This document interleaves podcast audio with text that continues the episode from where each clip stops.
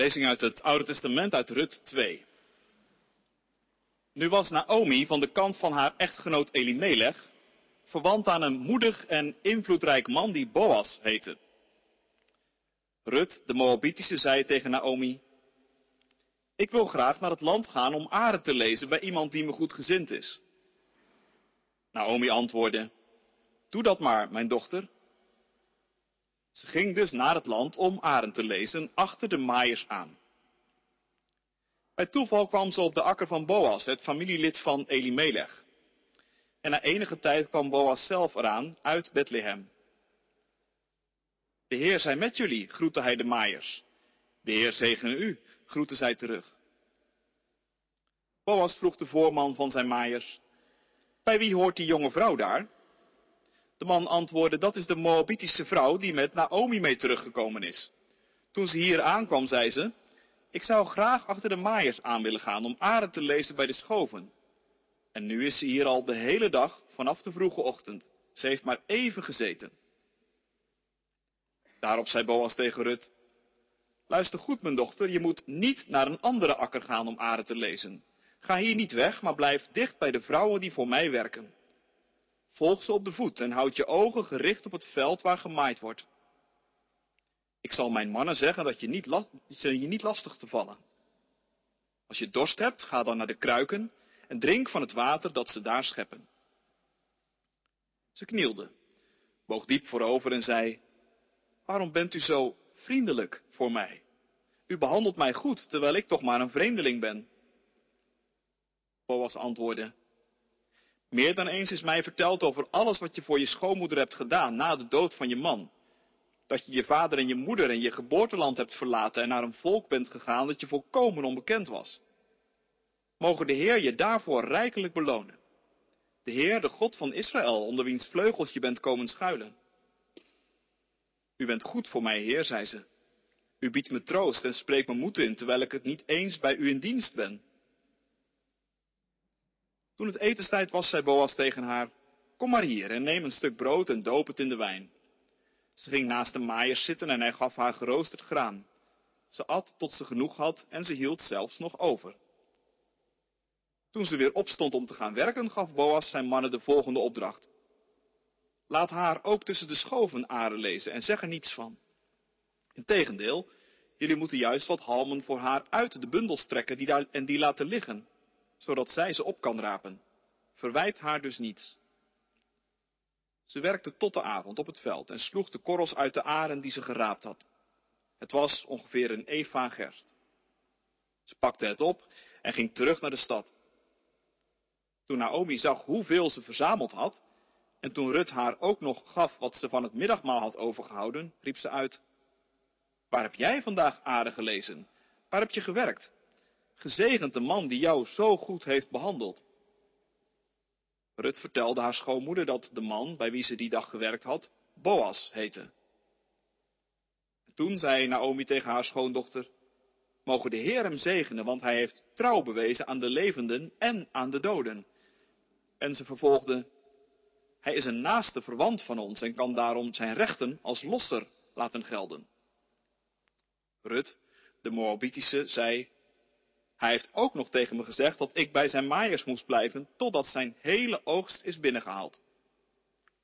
Het is goed dat je optrekt met de vrouwen op zijn land, mijn dochter, zei Naomi tegen Rut. Want dan zal niemand je op een ander veld lastig kunnen vallen. Ze bleef dus aren lezen bij de vrouwen die voor Boas werkten, tot het einde van de gersten en de tarweoogst. En al die tijd woonde ze bij haar schoonmoeder. Woord van God.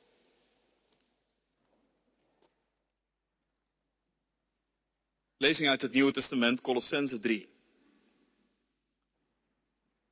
Omdat God u heeft uitgekozen, omdat u zijn heiligen bent en hij u lief heeft, moet u zich kleden in innig medeleven, in goedheid, nederigheid, zachtmoedigheid en geduld.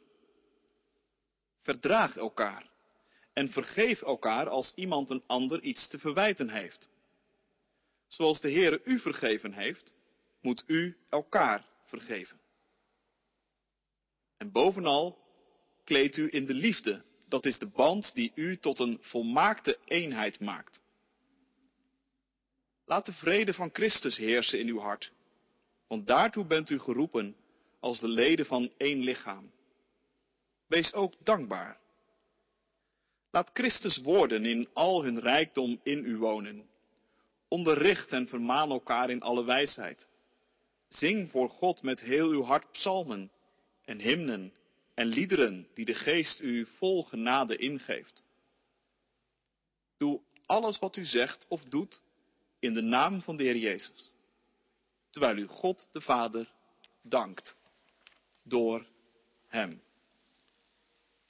Woord van God.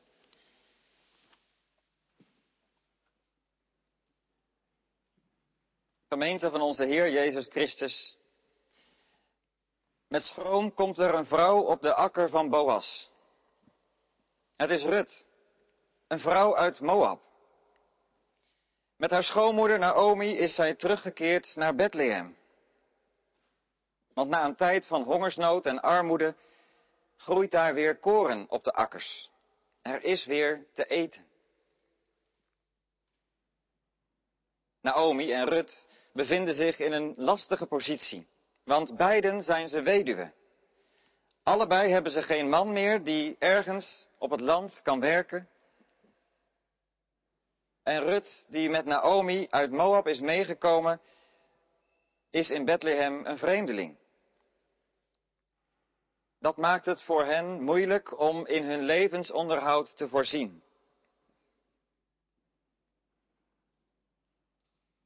We lezen dat Naomi weinig initiatief neemt en geen perspectief ziet. Zij zit nog vol verdriet vanwege het overlijden van haar man en haar zonen. Maar Rut daarentegen maakt een plan. Ze gaat erop uit.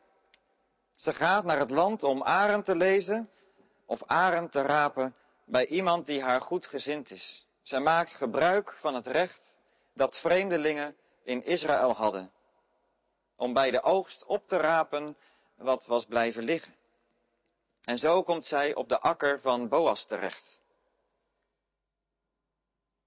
Daar wordt ze overweldigd door de vriendelijkheid van Boas. Hij is bijzonder aardig voor haar. Als hij naar Rut toestapt, zegt hij, luister goed mijn dochter. Je moet niet naar een andere akker gaan om arend te lezen. Ga hier niet weg maar blijf dicht bij de vrouwen die voor mij werken. Ook zegt hij dat ze altijd kan drinken van het water dat beschikbaar is. Rut knielt voor Boas neer en buigt zich diep voor hem. Waarom bent u zo vriendelijk voor mij? antwoordt ze. U behandelt mij goed, terwijl ik toch maar een vreemdeling ben. In dat antwoord laat zij duidelijk blijken dat ze dit niet had verwacht. Zeker niet nu zij als vreemdeling op zijn akker terecht is gekomen. Opvallend dat ze zichzelf zo noemt, een vreemdeling. Ze zegt niet, ik ben een weduwe. Ze zegt ook niet, in het verleden ben ik weliswaar getrouwd geweest met een zoon van Naomi, dus helemaal vreemd aan jullie land en volk ben ik nu ook weer niet. Nee, Rut zegt het voluit. Ik ben een buitenlandse, een vreemdeling. Dat bepaalt in haar ontmoeting met Boas misschien wel het meest haar gevoel. Het gevoel dat zij anders is dan de anderen. En dat was ook een feit in Israël. Vreemdelingen stonden laag op de maatschappelijke ladder. En dat Boas haar dus zo vriendelijk tegemoet treedt en haar alle ruimte geeft, is opmerkelijk. Laat staan dat hij met haar een gesprek aanknoopt. Rut is verwonderd en dankbaar. Waarom bent u zo vriendelijk voor mij?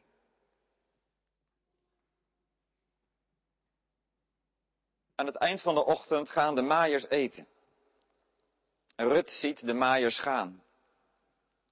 Het is alsof je haar ziet denken, daar hoor ik niet bij. Want ik ben geen maaier. Ik ben een vreemdeling, een weduwe uit Moab. die weliswaar door de goedheid van de landeigenaar hier op deze akker terecht ben gekomen. Maar nee, ik ga niet tussen die maaiers zitten. Laat staan naast Boas, de landeigenaar. Ik kan niet zomaar met hem aan tafel gaan. Maar dan nodigt Boas haar uit. Kom maar hierheen en neem een stuk brood, doop het in de wijn.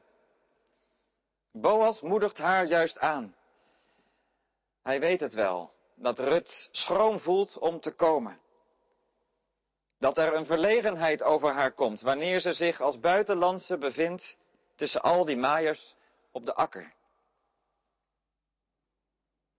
Uitdrukkelijk nodigt Boas haar uit. Kom hierheen. En zo gaat Rut zitten aan de zijde van de maaiers, niet naast Boas, want dat verschil in stand tussen hem en haar is veel te groot. Daar kan ze niet gaan zitten. Maar dan gebeurt er iets bijzonders. Boas reikt haar zelf geroosterd graan aan.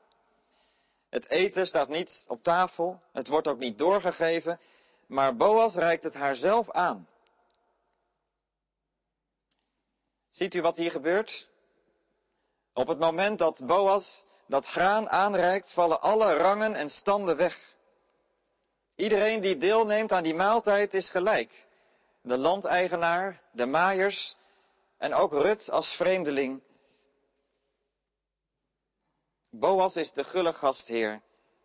En door zijn handelen verandert Rut van een marginaal figuur in een eregast.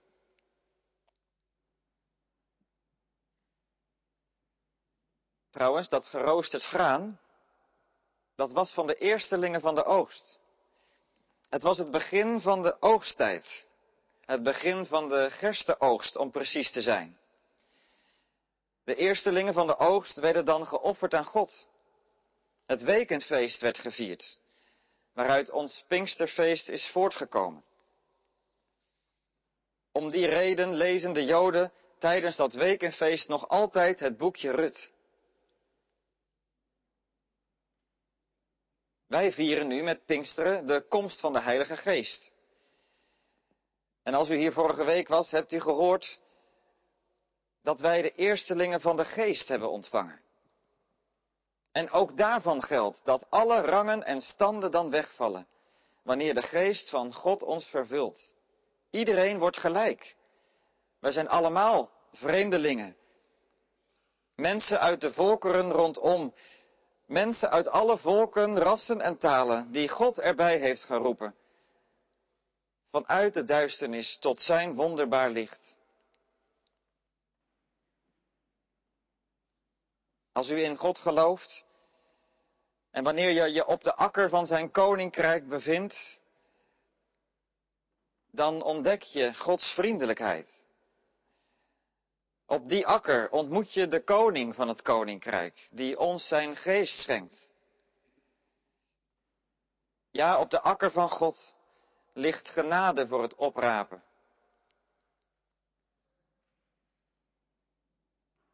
We gaan nog even terug naar die maaltijd op die akker. Let nog eens op Rut. Zij at tot ze genoeg had en ze hield zelfs nog over. De gastheer Boas deelt van zijn rijkdom. Hij deelt van de oogst van het land, van de eerstelingen. Terwijl armen en weduwen vaak niet wisten wat verzadiging was, raakt Rut tijdens deze maaltijd verzadigd en zij hield nog over. Zij kan haar lagere stand vergeten. Boas laat blijken dat zij volledig geaccepteerd is. Zij hoort er helemaal bij. Daarover geen discussie. Dat korte zinnetje. Zij at tot ze genoeg had en ze hield zelfs nog over. Dat doet ons denken aan de grote gastheer, onze Heer Jezus Christus. Want precies dezelfde gang van zaken treffen we aan bij de eerste wonderlijke spijziging zoals de evangelist Johannes dat beschrijft. Wanneer Jezus zegt, laat de mensen gaan zitten. En toen dat gebeurd was, nam Jezus de broden, dankte ervoor en deelde ze uit. En ook de visjes werden gedeeld en uitgedeeld, zoveel zij wilden. En toen zij verzadigd waren, hielden zij nog over. Met de overgebleven stukken vulden zij twaalf manden. Tijdens die maaltijd is het Christus zelf die deelt van zijn rijkdom. De mensen die hem zijn gevolgd, zijn gaan zitten in het gras.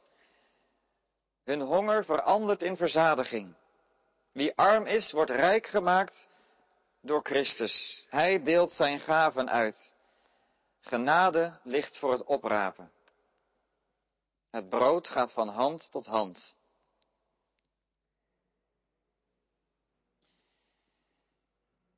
In de landeigenaar Boas zien we al iets oplichten van Jezus Christus. Boas die deelt van zijn rijkdom aan wie op zijn akker gekomen is. Zo deelt ook Christus van zijn rijkdom aan wie tot hem de toevlucht zoekt. Het is als in dat bekende lied van Huub Oosterhuis. De Heer heeft mij gezien en onverwacht ben ik opnieuw geboren en getogen. Jezus geeft het leven aan mensen die ten dode opgeschreven zijn. Hij geeft zekerheid aan wie vol schroom en onzekerheid tot hem genaderd is. Hoop aan wie geen toekomst meer voor ogen ziet. En dat onverwacht, vol genade en vriendelijkheid.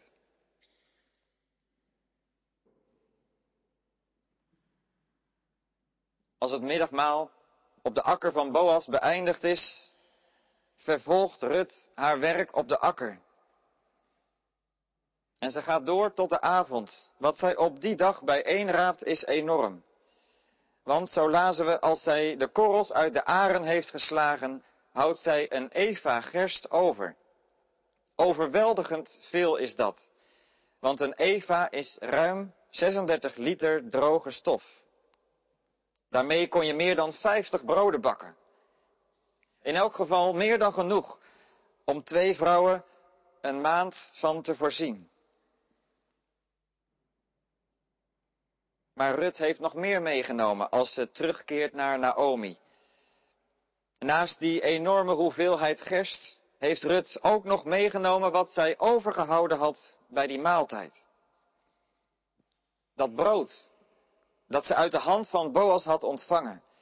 Ze geeft het bij thuiskomst direct aan Naomi. Van die gerstkorrels moeten de broden nog gebakken worden. Maar nu al ontvangt Naomi uit de handen van Rut dat stukje brood. Rut geeft door wat zij ontvangen heeft. Voordat er nog maar een woord tussen die twee vrouwen gewisseld is, wordt er eerst gegeten. Ook Naomi's honger wordt gestild. Het blijkt een voorsmaak te zijn van wat komen gaat. Een teken dat vooruitwijst in de tijd. Brood met een belofte. Ja, nu weet Naomi het zeker. De hongersnood is voorbij. De Heere heeft omgezien naar zijn volk. Ook naar mij heeft God omgezien. Dit brood is een teken van Gods ontferming. En terwijl Naomi eet, verdwijnt de bitterheid naar de achtergrond en wordt zij vervuld met grote vreugde. Haar tranenbrood is opgeraakt. Nu eet zij het brood van God gegeven. Ziet u dat er in dit hoofdstuk eigenlijk twee maaltijden gehouden worden? Eén op de akker als Rut eet met de maaiers en met Boas. En een tweede maaltijd wanneer het avond geworden is, wanneer Naomi eet van wat Rut heeft meegenomen. Naomi is er diep door geraakt. Had zij hier nog in kunnen geloven? Dat Rut na één dag met zoveel gerst zou thuiskomen? Vol emotie roept ze het uit. Gezegend de man die jou zo goed heeft behandeld. Nog voordat zij zijn naam gehoord heeft, spreekt zij een zegenwens over hem uit. Mogen de Heer hem zegenen, want hij heeft trouw bewezen aan de levenden en aan de doden. In het optreden van Boas ziet Naomi Gods goedheid. En daarom zegt ze niet alleen maar, wat is dat toch een aardige man. Nee, ze ziet in Boas de goedheid van God. Boas representeert Gods toewending in haar leven. En haar bitterheid maakt voorzichtig plaats voor hoop. Dit brood heeft haar blindheid weggenomen. Ze kan het weer zien. De vriendelijkheid en goedheid van God.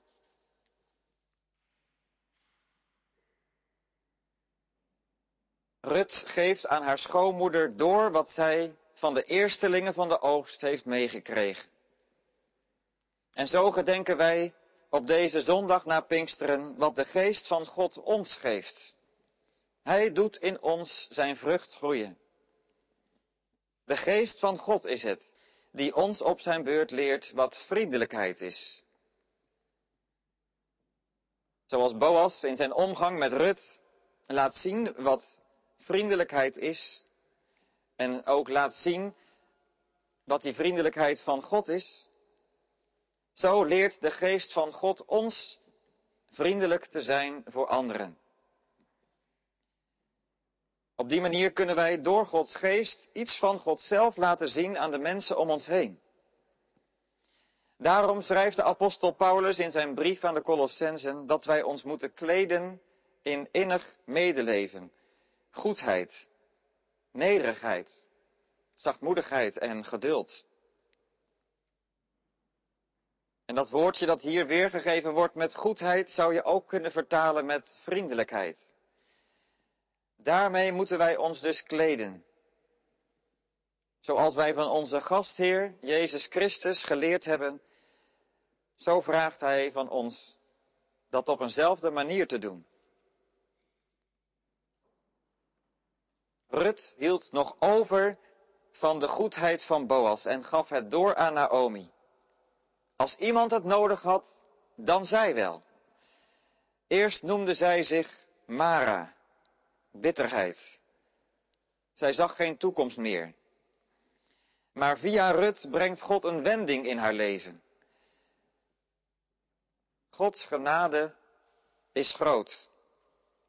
Er is meer dan genoeg. Er blijft zelfs om uit te delen. God schakelt mensen in om door te geven wat we ontvangen hebben. In een andere brief schrijft Paulus, laat iedereen u kennen als vriendelijke mensen. En dat kan alleen wanneer we dicht bij Jezus Christus blijven leven. Dat kan alleen met hulp van zijn geest. Zo kunnen wij doorgeven wat wij ontvangen hebben. Op de akker van Gods koninkrijk. Ga daarom door de wereld als een vreemdeling op zoek naar aren als tekenen van Gods vriendelijkheid. Op zoek naar tekenen van Gods genade in het alledaagse leven. Raap ze op, verzamel ze, die aren die je vindt op de akker van Gods wereld. En neem dat mee naar anderen. Want er is meer dan genoeg. Genoeg om van te delen. Amen.